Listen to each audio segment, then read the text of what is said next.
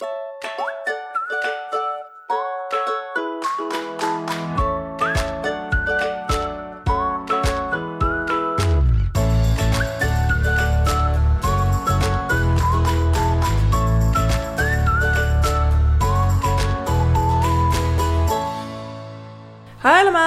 welkom bij een nieuwe aflevering van de Wat ik wou dat ik wist podcast. De podcast waarin ik deel wat ik wel eerder had willen weten en verhalen vertel waar jij je als twintiger hopelijk in herkent.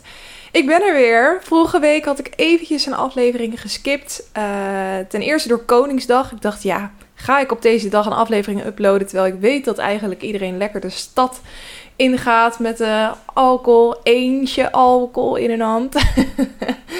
Um, en daarnaast had ik echt uh, een hele drukke weken, volgeplande weekenden en uh, drukke werkdagen gehad. Waardoor het eigenlijk gewoon echt eventjes niet in mijn schema paste. Hopelijk ook oké voor jullie. Ik wil uh, wel heel erg bedanken voor de leuke reacties op de vorige aflevering. Dat was namelijk een aflevering over mijn fitness journey tot nu toe. Met name over de drie maanden krachttraining die ik er inmiddels op heb zitten. En ik vroeg aan het eind ook of jullie het misschien nog leuk vonden of ik een, als ik een beginners guide zou maken. Omdat ik nu een beetje de beginnersperiode erop heb zitten en ontzettend veel heb geleerd. En ik het wel leuk vind om dat te delen, maar niet echt wist of er animo voor was.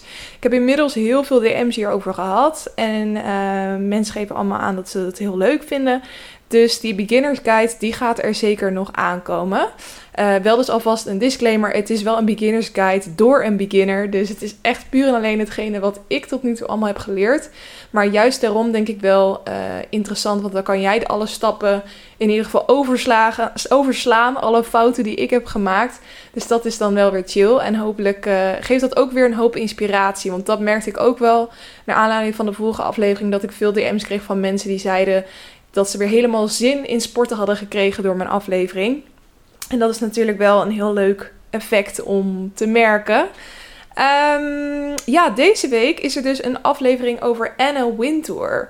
Ik weet niet of je het mee hebt gekregen, maar uh, deze week uh, was, is de Met Gala. En ja, ik vind dat toch altijd ontzettend interessant en boeiend, met name door de mode. Echt hoe iedereen daar zo verschijnt op die rode loper. Ik ga ook, ben ook echt zo iemand die van tevoren al het thema gaat bekijken. Uh, dit jaar was het Gilded Glamour.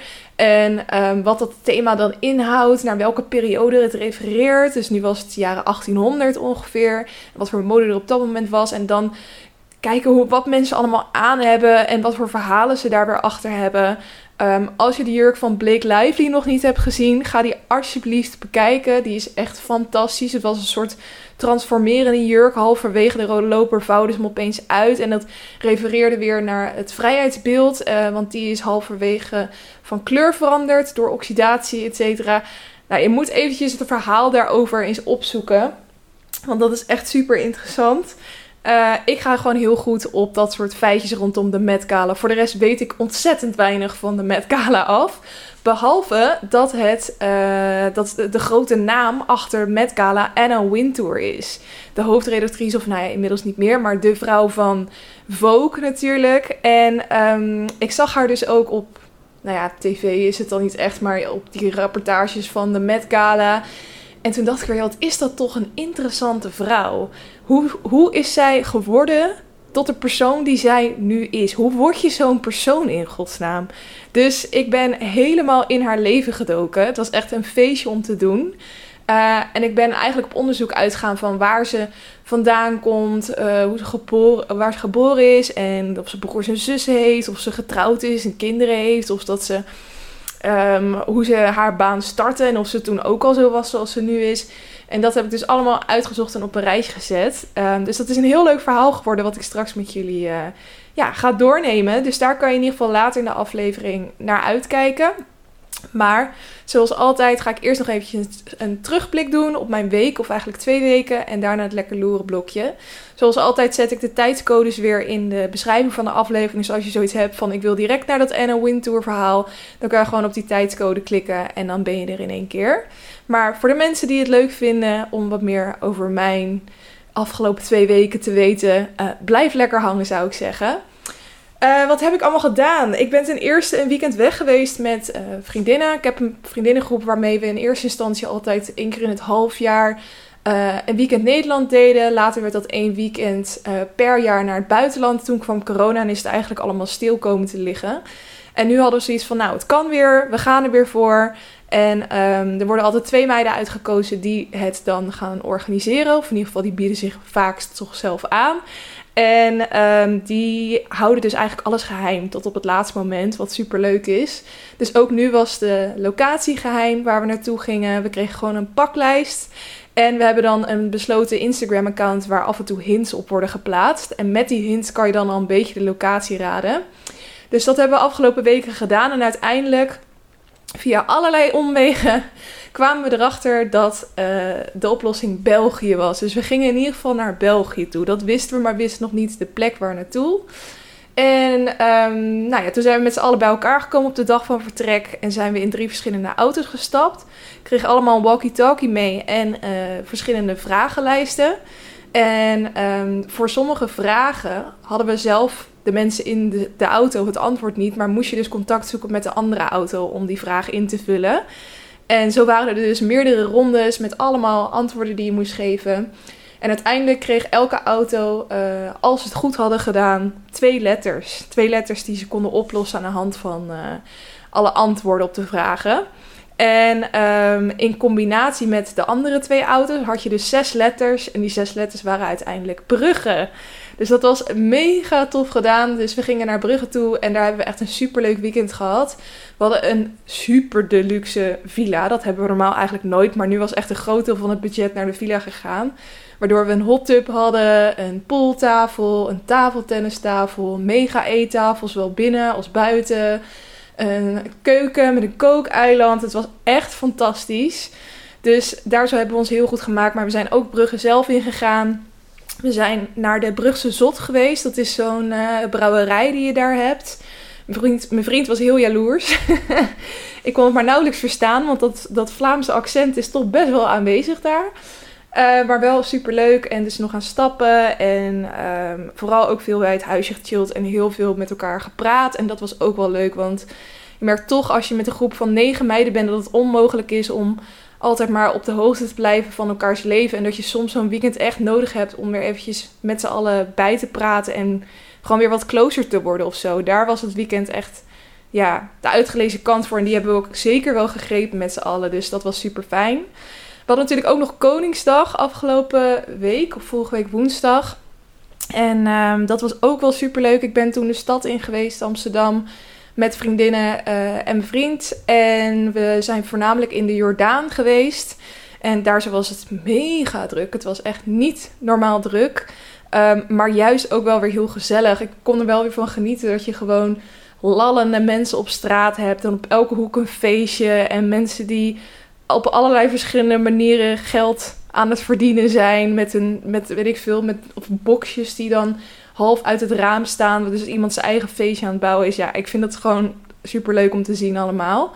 Het was wel een beetje hectisch. Op een gegeven moment kon ik ook geen mensen meer vinden. En je werkte je mobiel niet mee. Er was nergens een wc te vinden. Ik heb uiteindelijk gewoon nog langs de gracht staan piezen tot mijn eigen ongenoegen. Maar je kon gewoon letterlijk niet anders. Uh, en nou, dat soort dingen dacht ik wel van oké, ja, ik moet weer eventjes mijn mindset hierop aanpassen. Maar toen dat eenmaal gelukt was en drankjes helpen natuurlijk ook wel, was het uiteindelijk echt een superleuke dag.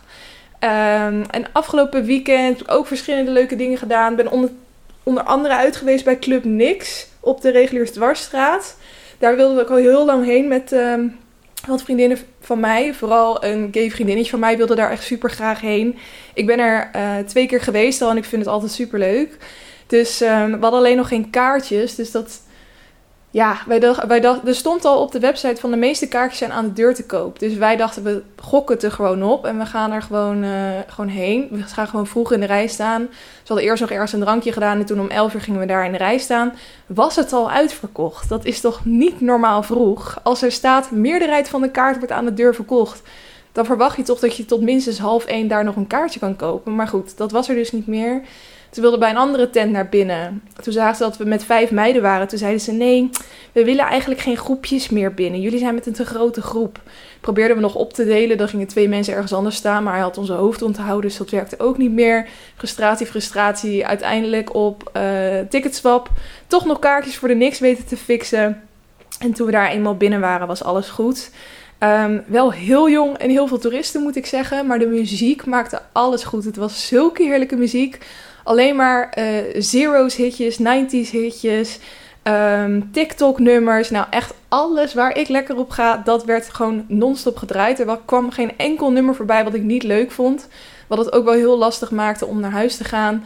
Uiteindelijk toch gedaan. Nog even de Mackie meegepakt. En daarna heerlijk gaan slapen. Dus uh, dat was ook wel weer een heel leuk weekend. En um, deze week ook nog bevrijdingsdag. En dat hebben we daarna nog Pinksteren. Mijn verjaardag komt er nog aan. Het is zo druk deze tijden. Ik kom echt nauwelijks aan werk toe. Maar ik geniet ook heel erg van alle dingen die nu weer kunnen. Dus um, de key is een beetje om overal een balans in te vinden, merk ik. maar goed, uh, jullie zijn weer een beetje bijgepraat over mijn leven. Dan gaan we nu eens kijken naar het leven van de celebrities. Wat is daar allemaal in gebeurd? Nou ja, wat er vorige week natuurlijk vooral gaande was, wat het, was het drama met Vandaag in Zuid en Johan Derksen. Die opmerking had gemaakt van ja, we hebben allemaal wel eens rare dingen gedaan in onze jeugd. Ik heb wel een kaars in de vagina van iemand gestoken. Kan nu ook niet meer. En nou ja, toen uh, zelfs, hij bracht het op die manier, maar alsnog is dat natuurlijk echt een beetje een rare opmerking om op tv te maken.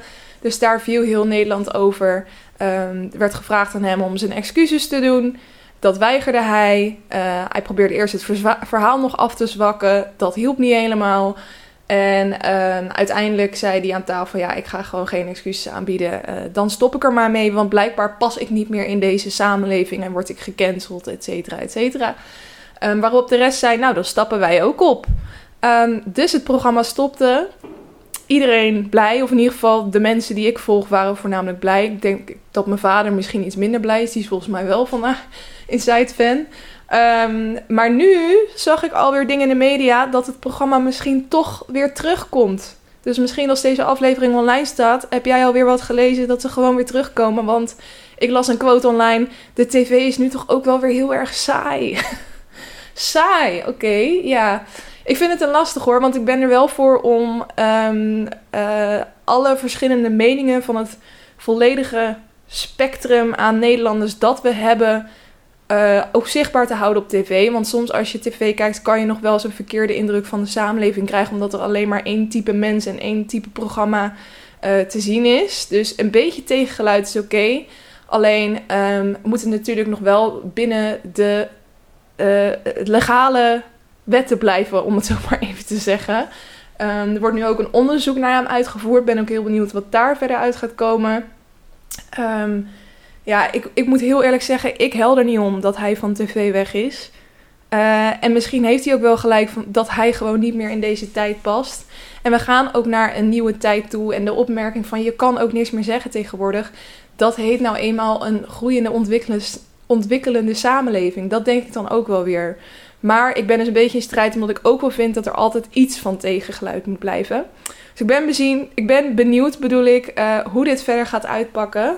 Uh, we gaan het zien in de media. Of op Live of Yvonne. Of waar dan ook. Wat je ook volgt. Uh, verder, ja, ik heb natuurlijk de Bachelor afgekeken.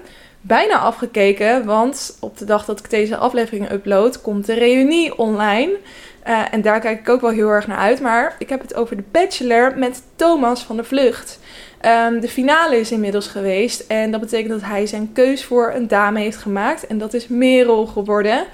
Uh, ik vond de laatste aflevering wel een beetje uh, tricky toen hij zeg maar aan Marijn ging vertellen dat zij het niet was geworden. Want hij bracht het echt op zo'n manier dat ik echt de glinstering en hoop al in haar ogen zag van oh my god, ik ben het geworden. En dat hij toen zei, maar. en toen echt haar door de grond heen zag zakken ongeveer. Volgens mij gaat ze daar ook nog wat over zeggen in de reunie, dat ze dat best wel naar vond. Uh, en ja, over of Merel en Thomas nog bij elkaar zijn. Ik heb de reunie dus nog niet gezien. Ik denk van wel. Ze hebben allebei zo'n post online geplaatst. Wat een mooie tijd ze hebben gehad. Een foto waarop ze zoenend staan. Ik denk toch dat je dat soort dingen niet echt gaat doen. Oh, en op elkaars post met een hartje gereageerd. Ik denk dat je dat toch niet gaat doen als je niet meer samen bent. Of je bent echt besties en dan net niet verliefd of zo. Maar ik denk dat ze toch nog wel samen zijn. Maar we gaan het zien. Ik ben wel benieuwd uh, hoe deze reunie gaat zijn. De, de lat ligt natuurlijk wel hoog. Want vorige keer hadden we de reunie met Tony Junior. En dat was me toch een partijtje fantastische tv. Um, zoveel drama. En stiekem hoop ik dan nu toch ook wel weer op een klein beetje drama. Maar voor Thomas' sake uh, hoop ik ook weer niet op zoveel drama als bij Tony Junior. Maar dat zie ik ook eigenlijk niet echt gebeuren. Wel heel erg benieuwd naar. Um, wat ik de afgelopen twee weken ook heel, heel, heel veel heb gedaan, is Selling Sunset kijken. Ik heb het echt gebinged, niet normaal. Super verslavende serie over makelaars in LA. Ik heb er al eens eerder wat over gezegd in mijn podcast. Um, maar wat ik dus wel interessant vind, er zitten dus twee mensen in. Uh, je hebt zeg maar de baas van het makelaarskantoor en Crucial. Dat is uh, een beetje de populairste um, persoon van de serie en dus ook een makelaar in dat kantoor. Die krijgen een relatie. Maar ik vind me dat toch een partijtje fake. En sowieso komen er nu steeds meer dingen naar buiten dat het dus allemaal een beetje scène is gezet. Hij um, is ook gespot met dat hij aan het bellen is in die serie, maar dan zie je zijn camera aanstaan. In principe kan dat. Je kan bellen en ondertussen je camera openen, maar is natuurlijk wel een beetje gek. Um, en zo zijn er nog wel meer dingen waarvan ik denk, dit is allemaal een beetje in scène gezet. En het is ook van de makers van de Hills. En bij de Hills heb je natuurlijk ook het laatste shot dat er uitgezoomd, wo uitgezoomd wordt. En dat je dan ziet dat ze allemaal op een set staan. Maar ik probeer er ook weer niet te veel mee bezig te zijn, want ik vind het ook weer zonde om dan de hele tijd te denken: oh, dat is fake, dit is fake, dat is fake, dit is fake. Maar die relatie, ja, het, je moet het eigenlijk, als je het niet kijkt voor de grap, is googlen: Jason en Chriselle Oppenheim. Of uh, Jason en Chriselle Selling Sunset. Uh, hij is echt een kleine, kale uh, veertiger. Zij is ook veertig, maar zij is mega knap, soort supermodel. heel charismatisch. En het lijkt gewoon niet echt een match. En dan hoe ze dan ook in dat programma met elkaar zoenen. Ja, ze is, ze is een. Ze is een actrice ook nog, hè? Ze is, was vroeger een actrice. Dus ik geloof het gewoon niet. De mensen die dit programma kijken, slide even in mijn DM. Ik ben heel erg benieuwd wat jullie hiervan vinden. Van dit programma komt dus ook een reunie op 6 mei. Dus ik ben heel erg benieuwd of we dan wat interessante nieuwe details krijgen. En tot slot de laatste juice, de rechtszaak van Amber Heard en Johnny Depp. Daar zie je toch veel fragmenten van voorbij komen. Ik vind het echt bizar dat dat gewoon allemaal bloot en open op tafel komt te liggen. Al die details over hun relatie, over hun persoonlijkheid, over hun vrienden, over hun familie. Ehm, dat, dat dat gewoon allemaal openbaar wordt nu. Het zal wel een eis zijn geweest. Maar ik vind het nogal wat om dat allemaal zo te doen. Maar uh, levert wel heel veel juice voor ons op. Want um, soms dan klik ik dus wel eens zo'n fragment aan. Want je kan dus in principe de hele registratie van de uh, rechtszaak volgen online. Maar soms dan worden er ook de interessante stukjes losgeknipt en uh, bijvoorbeeld op YouTube gepost. En ik zat er pas ook eentje te kijken. En dat was een fragment dat uh, Johnny Depp vertelde nou, dat, ze, dat ze weer ruzie hadden. Dus Johnny Depp uh, had ruzie met Amber Heard. Uh, ze stonden in hun slaapkamer en Amber, die, die, nou ja, die is, hij zegt natuurlijk ook dat zij hem mishandeld heeft. Dus hij zei ook van, nou ze sloeg me en weet ik veel allemaal. ze wilde me weer slaan en toen pakte ik haar bij de schouder, zette ik haar neer op bed. En toen zei ik ook van, joh, um, ik ga weg. Ik pak mijn spullen, ik ga ergens anders slapen. Zo gezegd, zo gedaan. Zij ging dat weekend naar Coachella toe. En toen wilde hij dus terug uh, naar het huis om wat spullen op te halen. Want hij had zoiets van, ja, ik ben echt klaar met die chick. Ik ga daar gewoon weg. Ik ga bij vrienden slapen. Of, nou ja, hij zal wel een tweede huis hebben. Um, en toen belde hij dus een vriend van hem op. Die blijkbaar meer contact heeft met Amber Heard. Of wel eens in zijn huis rondloopt. I don't know. Uh, en toen zei hij tegen die vriend van... joh, ik ga spullen ophalen, want Amber is op Coachella... dus ze is het hele weekend weg, dus het lijkt me een goed moment. Toen zei hij, nou, het lijkt me eigenlijk niet zo'n heel goed moment... om nu thuis naar je huis te komen. Toen zei hij, hoezo niet? Hoezo kan ik niet naar huis komen? Um, kijk hier maar even naar. En toen stuurde hij dus een foto naar Johnny Depp door... van zijn opengeslagen bed. En op Johnny's kant van het bed lag een grote menselijke drol. Had ze dus gewoon die Amber had uit woede op zijn kant van het bed gepoept. Nou, sorry hoor, dat ben je toch niet goed in je hoofd. Echt, hoe meer dingen van deze zaak naar buiten komen, hoe meer ik besef wat een raar mens zij is. En ook heel zielig voor Johnny Depp. Je merkt het al eh, naar welke kant ik leun als ik kijk naar fragmenten van de rechtszaak. Er moet natuurlijk nog een uitspraak komen. Ik wil niet volledig iemand kant kiezen. Maar als ik nu een keuze zou moeten maken, dan zou ik wel weten achter wie ik zou staan. Um, desondanks, uh, thanks voor alle interessante fragmenten. Ik denk dat dit ook voor het eerst is dat we zoveel details over een celebrity-relatie krijgen. Normaal zijn ze er altijd best wel beschermend in en is het allemaal heel privacygevoelig. En nu uh, hoor je alles. Daar, daar verbaas ik me gewoon non-stop over. Um, maar goed, dat was het over uh, de rechtszaak van Amber Heard en Johnny Depp en het lekker loeren blokje. Dan gaan we door naar het LKL'tje waarin ik allerlei tips geef om jouw leven leuker en lekkerder te maken. Ik wilde eventjes een leuke doetip geven, ook met het oog op moederdag aankomende zondag. Ik ben namelijk afgelopen zaterdag met mijn moeder naar een evenement geweest. Uh, het Beter Eten Festival van Albert Heijn was mega leuk, was in Haarlem. En uh, in zo'n grote expohal. En er stonden allemaal verschillende merkjes met verantwoorde, um, verantwoord voedsel. En dat kon je dan allemaal proeven. Het was vooral heel veel eten heel lekker eten en overal smoothies drinken en alles gratis, wat echt top was. Um, de Nederlander in mij kwam helemaal naar boven, om zo maar te zeggen. um, en ik heb ook heel veel geleerd over wat voor eten nou goed voor je is en wat voor niet. Maar bovenal was het gewoon heel erg leuk om zo'n activiteit met mijn moeder te doen. En we zijn ook wel eens in het verleden naar het Linda Festival geweest van het tijdschrift Linda. Dat was ook super leuk. Was ook een beetje op deze manier opgezet met op verschillende plekken optredens en um, workshops en uh, presentaties. Was dan ook een interview met Linda de Mol op het podium. Was ook heel leuk.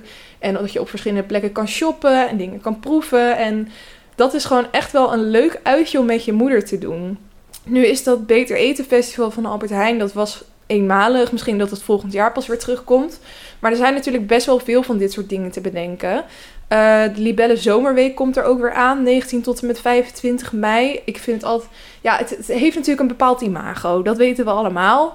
Um, en dat had ik eerst ook heel erg in mijn hoofd. Nou, daar zou ik echt nooit naartoe gaan. Maar uh, als je dat eventjes buiten wegen laat en er gewoon met een open blik naartoe gaat. Uh, en gewoon focust op hoe leuk het is om met je moeder dat soort dingen te doen. Dan kan je er echt een enorm toffe dag van maken. Um, en daar gaat het denk ik vooral om dat je het samen gewoon heel erg naar je zin hebt met alle activiteiten en dingen die je daar kan doen.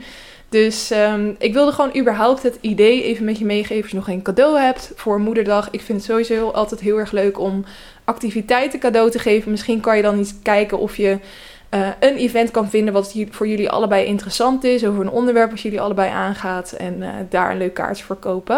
Want ik vond het wel echt leuke quality time weer eens. Um, dan een kijktip. Ik heb op Netflix een documentaire gekeken. Uh, White Hot, The Rise and Fall of Abercrombie and Fitch. En die vond ik echt heel interessant. Het gaat dus over de kledingwinkel Abercrombie Fitch. Uh, heel groot in Amerika, maar hadden we op een gegeven moment ook wel een tijdje in Nederland.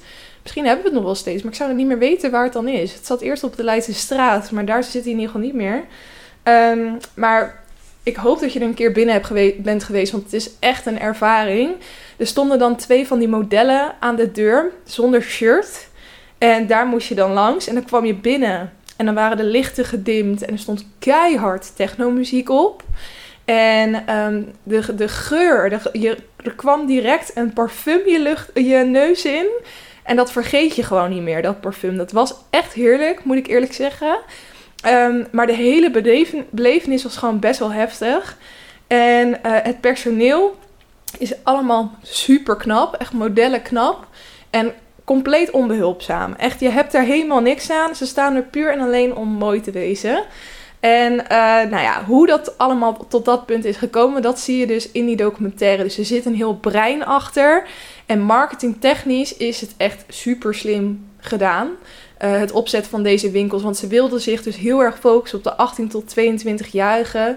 Um, en dan juist wel, uh, nou, ze hadden een hele lijst, ze hadden een soort heel brandboek gemaakt van um, de, degene die Abercrombie en Fitch draagt. Die is een college student, die houdt van golden retrievers, die rijdt in een jeep, um, die, wil, die is heel knap of die wil graag heel knap zijn.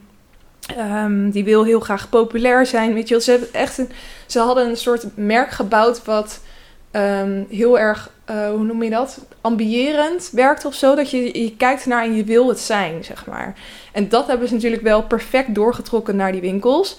Alleen uiteindelijk werd het allemaal heel problematisch. Want het leidde er ook toe dat ze bijvoorbeeld geen Aziatische mensen wilden aannemen. En als ze ze aannamen, dan uh, werden ze gewoon nooit ingepland. Of um, nou, er waren verschillende dingen waardoor ze uiteindelijk ook rechtszaken aan hun broek kregen. Dus dat is een beetje waar de documentaire over gaat. Um, hoe het eigenlijk mega succesvol werd, maar op de lange termijn helemaal inkakte. En uh, wat dus de fall of Abercrombie Fitch was. En daarna ben ik ook nog eventjes de Instagram gaan opzoeken van Abercrombie Fitch. Want het merk bestaat dus nog wel. Um, en ik was wel benieuwd hoe ze hier dan een draai aan hebben gegeven. En wat je dus ziet op die Instagram is dat... Uh, ja, ze, ze hebben echt een hele heftige omdraai eraan gegeven. Ze hebben een highlight gemaakt met Abercrombie Fitch Today, heet het volgens mij. En daar uh, zie je in meerdere slides wat nu hun waarden zijn, wat voor personeel ze nu hebben aangenomen. En dan zie je dus dat dat van alle nationaliteiten is. Um, uh, ze hebben een statement geplaatst over de documentaire en hoe ze daar nu absoluut niet meer achter staan. Hoe het destijds was gedaan, et cetera, et cetera. Um, en ik had hier een beetje discussie over met mijn vriend van... Het is bijna zo'n heftige ommezwaai dat het geforceerd voelt. Weet je wel? Dat je het, het bijna niet meer gelooft, weet je wel? Van bijna van... Ze hadden wel zo ver moeten gaan om uh, de mensen door wie ze gecanceld zijn weer tevreden te maken. En in hoeverre is het dan een gemeend iets? Of is het echt zo'n soort van, ja, geforceerd gewoon echt? Dus aan de andere kant, ik las ook weer heel, ik las heel veel positieve comments van mensen die zeiden van dit is echt de glow-up of the century. Um, we love uh, what you did with the company, et cetera. En uh, geloof me, dit is beter dan niks doen. Alleen ik, bij mij komt dan toch gelijk weer de criticus naar boven van oké, het is wel zo'n heftige 180 turn. Dat ik denk, uh, ja, wat is hier nou echt van waar? Maar ik, um, ik heb eigenlijk ook, ik, ik shop eigenlijk nooit meer bij Abercrombie en Fitch. Ook omdat ik het eigenlijk nauwelijks meer om me heen zie en hoor. Maar wel vet om het verhaal achter dit hele bedrijf te horen. Omdat ik me nog wel heel goed kon herinneren dat het toen zo'n hype en zo'n ding was. Volgens mij ben ik, ik was als 16-jarige in New York met mijn ouders. Volgens mij ben ik toen ook echt naar een Abercrombie Fitch winkel gegaan. En heb ik één shirtje gekocht waar dan heel groot dat merk op stond. Gewoon omdat dat het ding was om te doen destijds. Dus dat is wel grappig. Um, tot slot wil ik nog een leestip geven. Ik moet eerlijk toegeven, door de drukke weken en weekenden heb ik uh, het boek van de maand april niet uit kunnen lezen. Dat was Op het einde gaan ze allebei dood van Adam Silvera. En die staat zeker nog wel op mijn leeslijst. Dus die ga ik nog wel uitlezen. Maar omdat ik weet dat er ook veel mensen het leuk vinden om elke maand een leestip te krijgen hier, uh, wil ik toch ook het volgende boek alvast meegeven. En dan ga ik ze gewoon tegelijkertijd lezen. Um, dat is weer eventjes geen fictie, maar meer uh, leerzaam, denk ik eerder. En het is namelijk het boek De Zeven Vinkjes van Joris Luijendijk. Ik zal eventjes de beschrijving voorlezen. Stel, je kunt niet gediscrimineerd worden en je hoeft je nooit ergens aan te passen, omdat iedereen zich altijd aanpast aan jou. Stel dat je vervolgens ook nog de meest prestigieuze opleiding van het land hebt, zodat je ook daarop niet gepakt kunt worden. Dan kun je dus niet weten hoe kwetsbaarheid voelt. Maar omdat je alles mee hebt en niks tegen, is de kans wel maximaal dat je het ver brengt in de samenleving. Joris Luijendijk behoort tot deze groep van ondiscrimineerbare en sociaal onkwetsbare Nederlanders. Een witte, autochtone, hetero man uit een goed nest met aan de muur diploma's van het gemeentelijk gymnasium te Hilversum en de Universiteit van Amsterdam. In de zeven vinkjes probeert Luijendijk te begrijpen wat zijn uitgangspositie heeft gedaan met zijn zelf, mens en maatschappijbeleid. En wat doet het met een land wanneer mannen zoals hij er de dienst uitmaken? Want op ontzettend veel plekken, helemaal bovenin de politiek, de serieuze media, het openbaar bestuur en het bedrijfsleven wordt de baas gespeeld door een man zoals Joris Luijendijk. Nou, vond ik mega interessant. Gaat natuurlijk helemaal over white privilege, male privilege en alles daaromheen. Um, en ik vind het wel tof dat zo'n man met de zeven vinkjes dus ook heel kritisch is gaan kijken naar zijn eh, eigen positie. Dus ik denk dat hier wel wat interessante levenslessen in zouden kunnen zitten. Dus ik ga dit boek zeker lezen en ik nodig je uiteraard ook weer uit om met me mee te doen. Mocht je dit boek gaan lezen aankomende maand, stuur me dan even een DM. Dat vind ik altijd leuk om te weten wie er met me aan het meelezen zijn. En als je hem voor het eind van de maand uit hebt, vind ik het ook leuk om een review te ontvangen. Puur om zelf te lezen en wellicht om ook in deze uh, afleveringen mee te nemen. Dus dat wordt het nieuwe boek, De Zeven Vinkjes van Joris Luijendijk. Dan gaan we nu door naar het hoofdonderwerp. En dat is dus het leven van Anna Wintour. Wie is deze vrouw? Hoe is ze geworden tot wie ze is? Tot die harde vrouw die we kennen van The Devil Wears Prada. Want mocht je het nog niet weten, die film is dus op haar gebaseerd. Of in ieder geval het karakter Miranda Priestley. Um, waarschijnlijk zul je in het verhaal wat ik ga vertellen ook wel wat dingetjes horen waarvan je denkt: hé, hey, dat herken ik ook uit de film. Want um, de film is weer gebaseerd op een boek. En dat boek dat gaat weer uh, heel erg over, ja, over Anna Wintour. Dus dat is wel super interessant. Um, dus ja, laten we gewoon van start gaan. Anna Wintour werd geboren in Ham Hampstead, Hampstead, Hampstead in Londen. Haar vader, Charles Wintour, was de redacteur van de Evening Standard. En dat is een Londens dagblad. En haar moeder was de Amerikaanse Eleanor Baker de dochter van een professor aan de Harvard Law School. Dus ze kwam wel echt uit een goed geleerd gezin. Ze had vier broers en zussen. Haar oudere broer, Gerald, Gerald, stierf als kind bij een uh, verkeersongeval.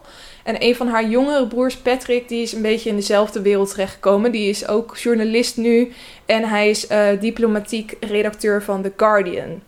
Dus al met al best wel een gezin dat uh, uh, veel met schrijven te maken heeft, met journalistiek en zich ook vooral in dat soort kringen bevond. Als kind zat Anna op de uh, North London Collegiate School. En daar kwam ze best wel vaak in opstand tegen de kledingvoorschriften.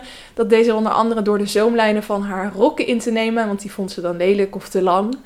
Um, op 14-jarige leeftijd begon ze al haar haar in een bob te dragen de klassieke bob die we nu nog steeds van haar kennen, die heeft ze dus al sinds dat ze 14 jaar is. Dat vond ze toen al een hele mooie haarstijl en heeft ze eigenlijk altijd zo gehouden.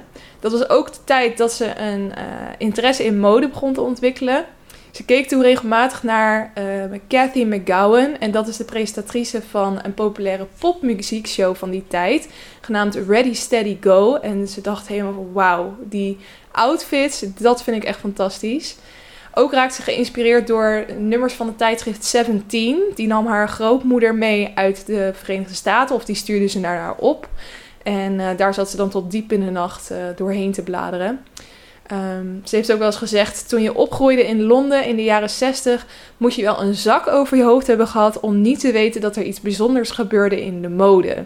Dus ze was altijd heel erg bewust van wat iedereen nog maar heen aan had en dat er belangrijke dingen aan het gebeuren waren.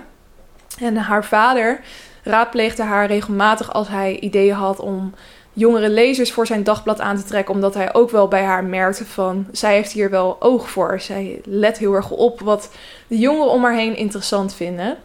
Hij speelde ook een hele grote rol bij haar eerste stap in de modewereld. Anna heeft eens gezegd: Ik denk dat mijn vader echt voor mij heeft besloten dat ik in de mode moest gaan werken. Hij regelde namelijk de eerste baan van Anna in de uh, invloedrijke Biba Boutique. En dat is een uh, Londense modewinkel in de jaren 60. En zij ging daar dus werken en toen was ze pas 15 jaar oud. Maar ze vond dat helemaal fantastisch om met die kleding bezig te zijn, om die materialen te voelen en uh, in, de, in de wereld van de mode te verkeren. Het jaar daarop verliet ze de North London Collegiate en toen begon ze een trainingsprogramma bij het warenhuis Harrods, wat we nu nog steeds kennen van Londen. Uh, en andere plekken. Op aandringen van haar ouders begon ze toen ook met het volgen van modelessen op een nabijgelegen school. Maar eigenlijk gaf ze die al best wel snel op en zei ze: Ja, je kent mode of je kent het niet. Je hebt er geen lessen voor nodig. Het is gewoon iets wat je in je hebt of niet. Door een andere oudere vriend, Richard Neville, kreeg ze haar eerste ervaring met tijdschriftproductie. Ze mocht toen namelijk meekijken met de productie van zijn uh, populaire tijdschrift. Dat was het controversiële tijdschrift Als. Dat zal je nu misschien niet meer zeggen, maar dat was in die tijd uh, heel populair. In 1970, toen Harper's Bazaar UK fuseerde met Queen, Queen niet de band, maar een ander tijdschrift, uh, toen werden zij samen Harper's en Queen. En toen werd Winter dus aangenomen als een van de eerste redactieassistenten en begon dus echt officieel haar carrière in de modejournalistiek. Uh, en daar zo was ze eigenlijk al heel druk met aan haar collega's vertellen dat ze het allerliefst bij Vogue wilde werken. Dat was echt haar grote droom en hetgeen waar ze naartoe aan het werken was. Bij Harper's Queen maakte ze best wel wat indruk omdat ze heel veel nieuwe modellen wist te scouten. Ze wist allerlei innovatieve shoots op te zetten met de grootste fotografen. En ze had daar gewoon heel veel gevoel voor. Uh, al die tijd had ze wel één grote rivaal. En dat was de moderedacteur Min Hawk. Die werkte dus ook bij Harper's Queen. En uh, zij lagen gewoon non-stop in de clinch met elkaar. Waren altijd aan het vechten voor bepaalde zaken die te bereiken waren binnen het bedrijf. En uh, het maakte, maakte de tijd gewoon niet leuker op. Dus na chronische oneenigheid met haar stopte Anna uiteindelijk bij Harper's Queen.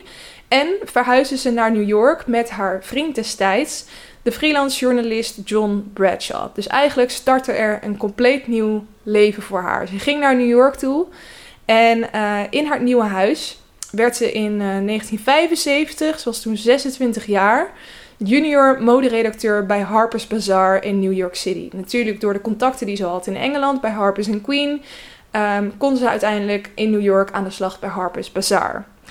Uh, opnieuw liet ze daar weer haar kracht zien. Dus dat waren die innovatieve shoots, dingen die mensen nog nooit eerder hadden gezien. En um, de redacteur, de hoofdredacteur daar, Tony Mazzola, die snapte daar eigenlijk niks van. Die dacht, wat is dit allemaal? Uh, waar ben jij mee bezig? Dit is niet hoe wij het normaal doen. En na negen maanden werd, werd Anna dus daar al ontslagen. Omdat er dus eigenlijk niet echt een match was. Toen kwam haar vriend Lief weer om de hoek kijken. Uh, een paar maanden later hielp hij haar namelijk aan haar eerste baan als moderedacteur bij FIFA. Uh, een tijdschrift voor volwassen vrouwen. We kennen het hier in Nederland ook. Al vraag ik me af of dat hetzelfde is. Volgens mij is het een ander tijdschrift met toevallig dezelfde naam. Um, dit was de eerste baan waarbij ze ook een persoonlijke assistente kon inhuren.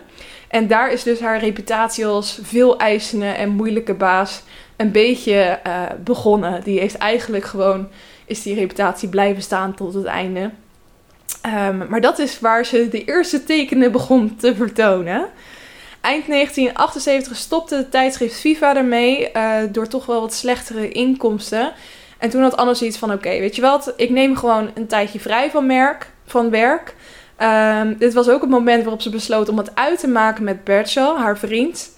En ze begon een relatie met een Franse platenproducent, Michael Esteban.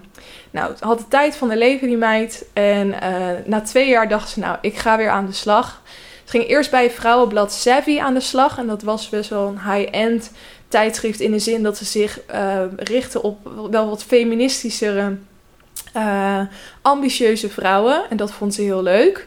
Uh, later ging ze ook nog bij het tijdschrift New York aan de slag.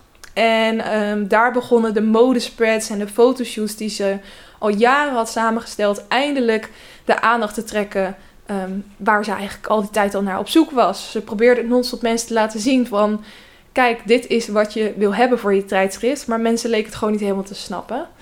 Um, dit was ook het moment dat een voormalig collega van haar een uh, interview met een Vogue-redacteur, Grace Mirabella, had geregeld. Uh, superleuk, dus Anna die werkte natuurlijk niet bij Vogue, maar die dacht, nou leuk, daar ga ik een gesprek hebben. Um, maar die eindigde eigenlijk al snel toen Anna dus doodleuk aan die Mirabella vertelde dat ze eigenlijk haar baan wilde hebben. Toen was het feest toch weer over.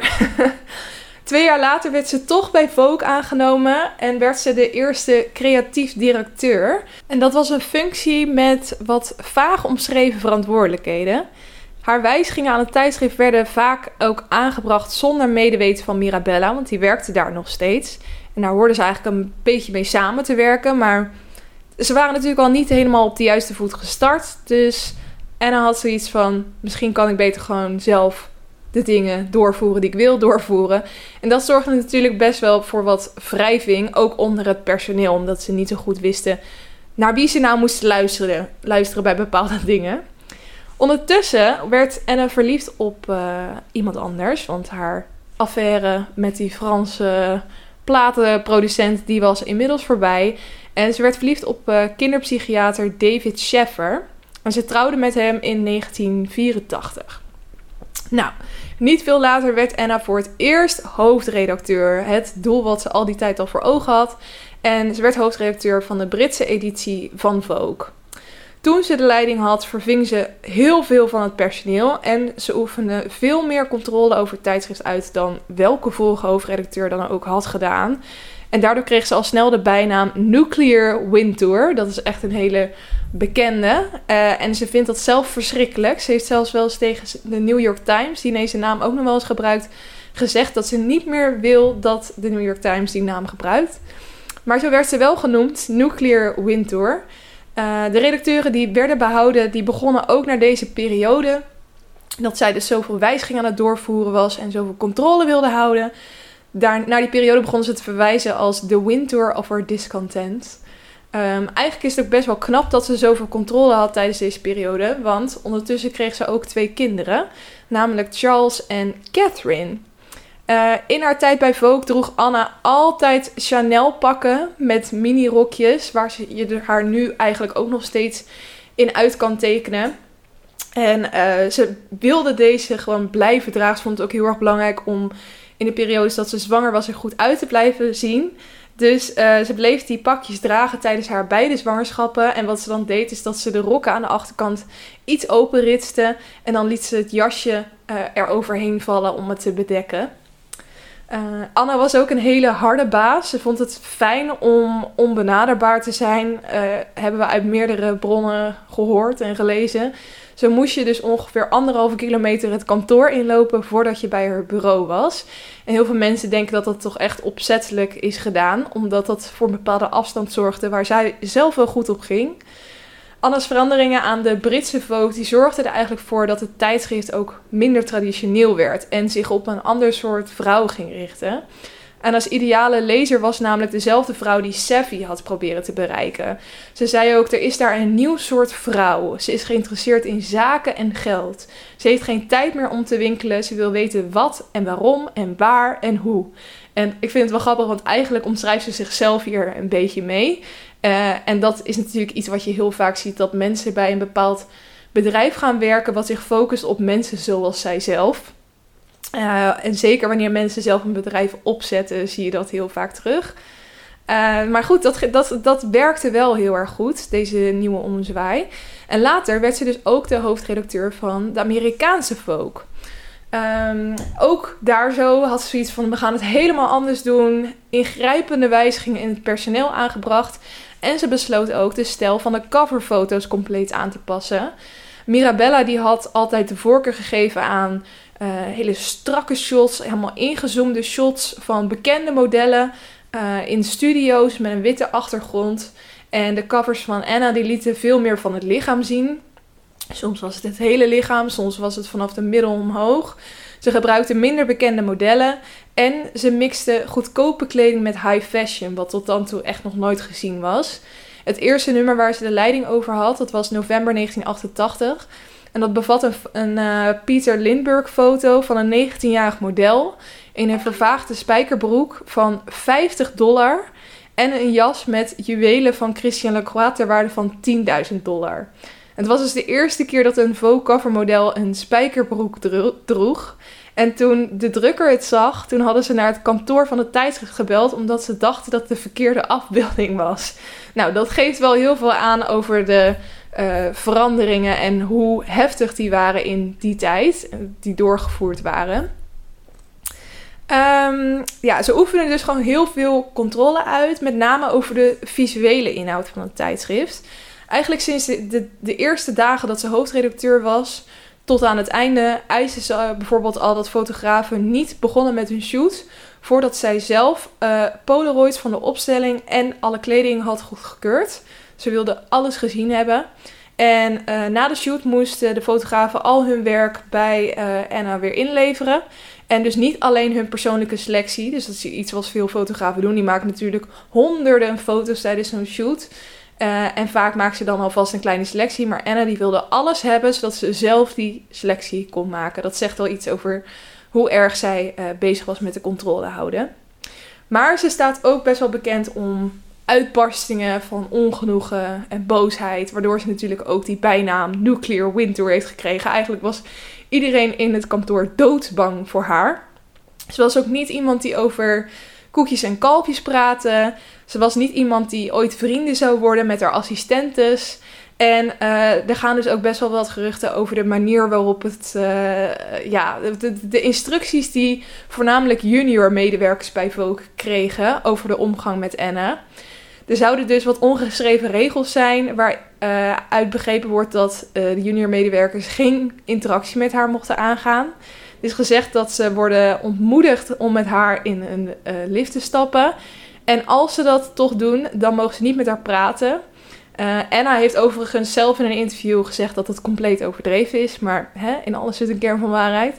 Een Vogue-medewerker heeft ook verteld dat ze Anna een keer in een gang had zien vallen.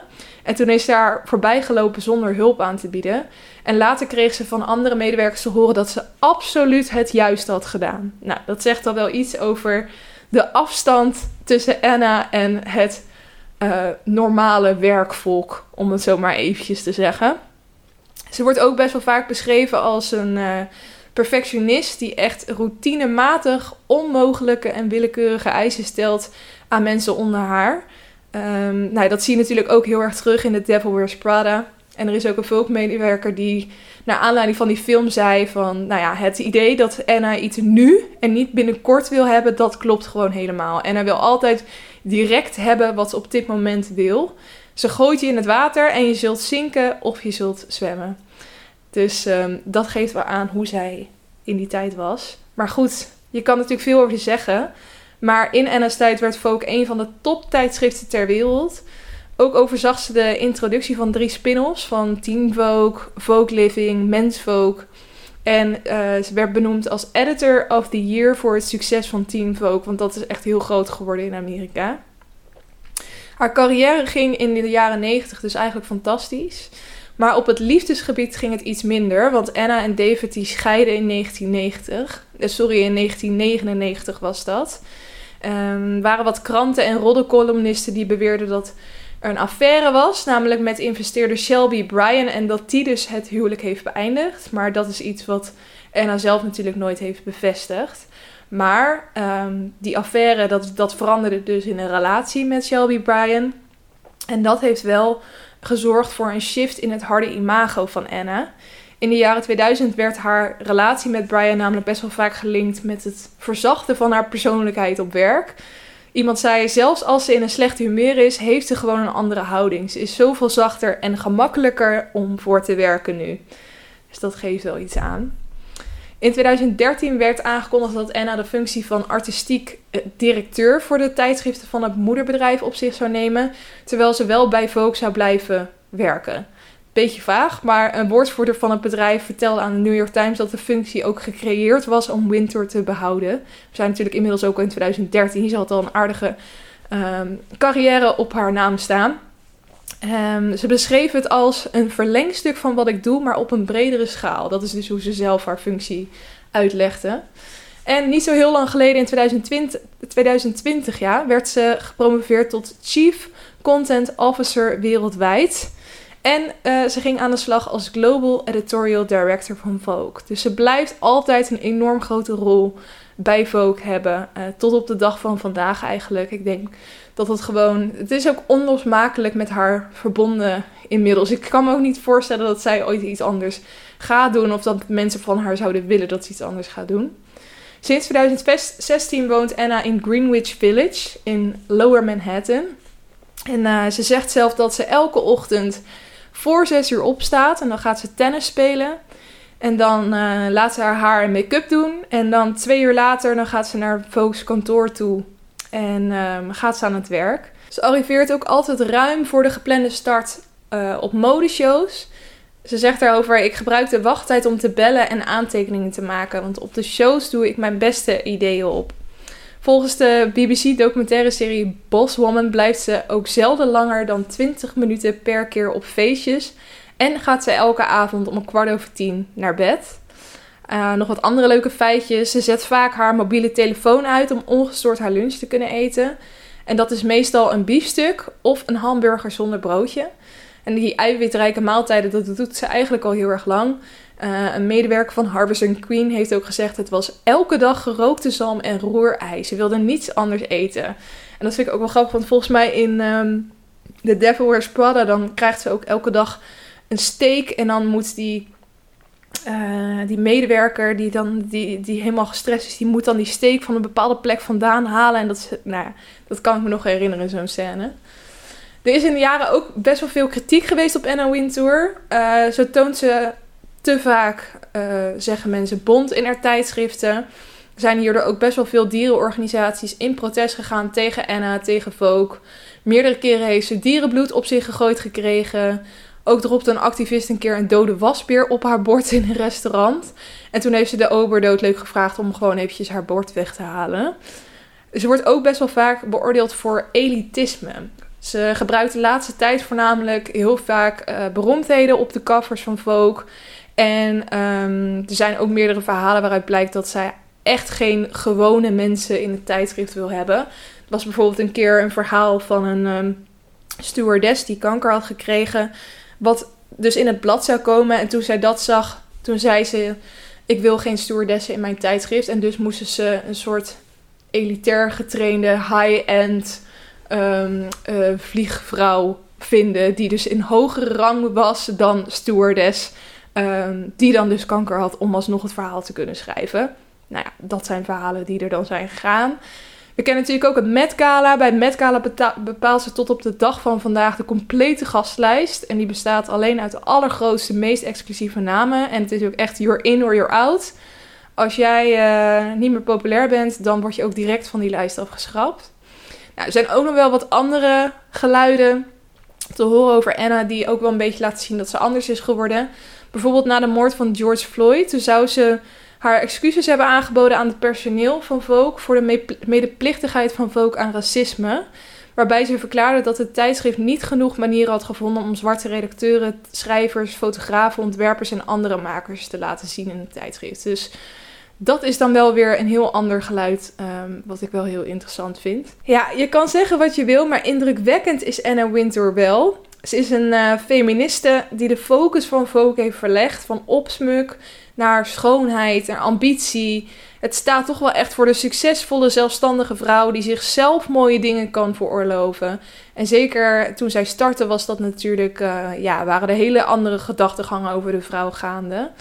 En Anne zelf, die is natuurlijk ook een soort boegbeeld voor zo'n vrouw. En bovenal is het een hardwerkende vrouw uh, die tot op de dag van vandaag een enorme impact op de fashionwereld heeft. En dat is ook iets wat je elk jaar wel weer terugziet als je met gala verslaggeving voorbij ziet komen. En um, ja, het is denk ik een vrouw die we voor altijd gaan linken aan Vogue en de impact die zij dus op alle mode mensen heeft gehad. Dus bijzondere interacties die mensen met haar hebben gehad. En um, daarom vond ik het wel leuk om dit verhaal met jullie te delen. Het is uh, een keer een wat andere insteek. Het is wat meer verhalend, vertellend, met feiten en geschiedenis over iemands leven. Maar ik luister vaak zelf ook nog wel van dit soort podcasts en dat vind ik altijd mega interessant. Dus hopelijk was dit een leuke combi van wat uh, gezwets over celebrities en mijn eigen Koningsdagbelevenissen, weekendjes weg. Versus een uh, ja, wat uh, feitelijker verhaal over het leven van Anna Wintour. Dus ik hoop dat je het een uh, leuke aflevering vond. En ehm, thanks voor het luisteren. En hopelijk ben je er volgende week ook weer gezellig bij. Tot dan! Doei doei!